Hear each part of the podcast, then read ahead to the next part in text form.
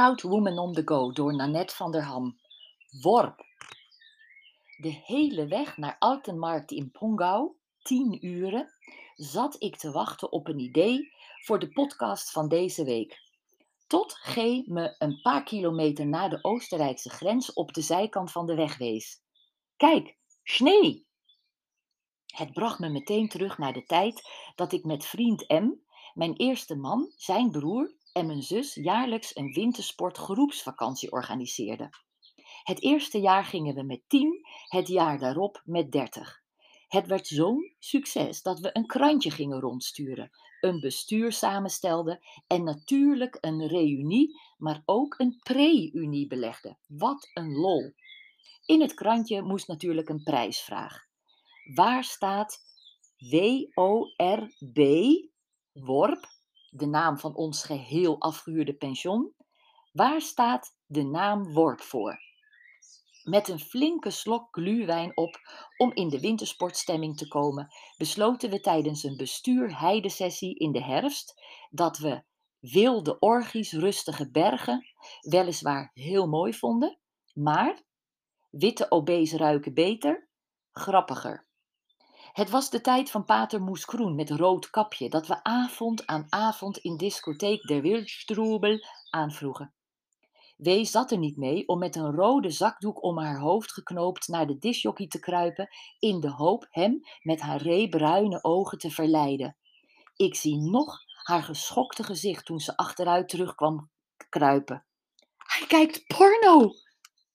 Voor de Wildstrubel dronken we wat bij Andy's Poep, dat door de Zwitserdeutschers werd uitgesproken als Andy's Poep.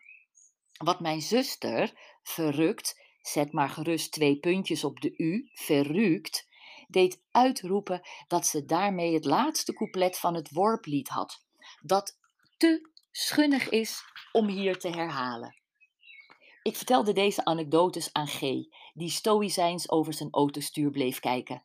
Ik gierend van het lachen bij de herinneringen aan de flauwigheden. Hoe we plaatjes van blote mannen en vrouwen op de tandpasta, de skibrillen en de skipassen van de mannen plakten. Alpenrosa, Alpenrosa, na na na na na na na na na na na na stonden te krijzen in de gemeenschappelijke doucheruimte. De trein naar huis miste omdat we de zomertijd massaal vergeten waren. En over de griep, waardoor we door onze kleffe gedoe één voor één geveld werden. Waarna vrouw Brachi Brachi, iedereen heette zo en zag er ook zo uit, ons liefdevol met heise citronen en soep verzorgde. Ik probeerde mij te herinneren wanneer het allemaal was geweest. Natuurlijk, 90 en 91. Zwanger van mijn zoon en er niet mee zittend om in een soft pink ski overal als een roze olifant in een skiklasje te gaan staan, waar vriend P op de eerste middag alweer uitstapte om in de zon te gaan zitten, met de historische woorden: Ik word gek van dat gejurk. Het is potdomme 25 jaar geleden, zuchtte ik toen ik was bijgekomen van het lachen. G wees op een bord langs de weg. Alpenrose Tanzabend über 40 stond erop. Sommige dingen veranderen niet. Misschien moeten we dat een kwart eeuw na dato maar eens uitproberen. Pre-unie, anyone?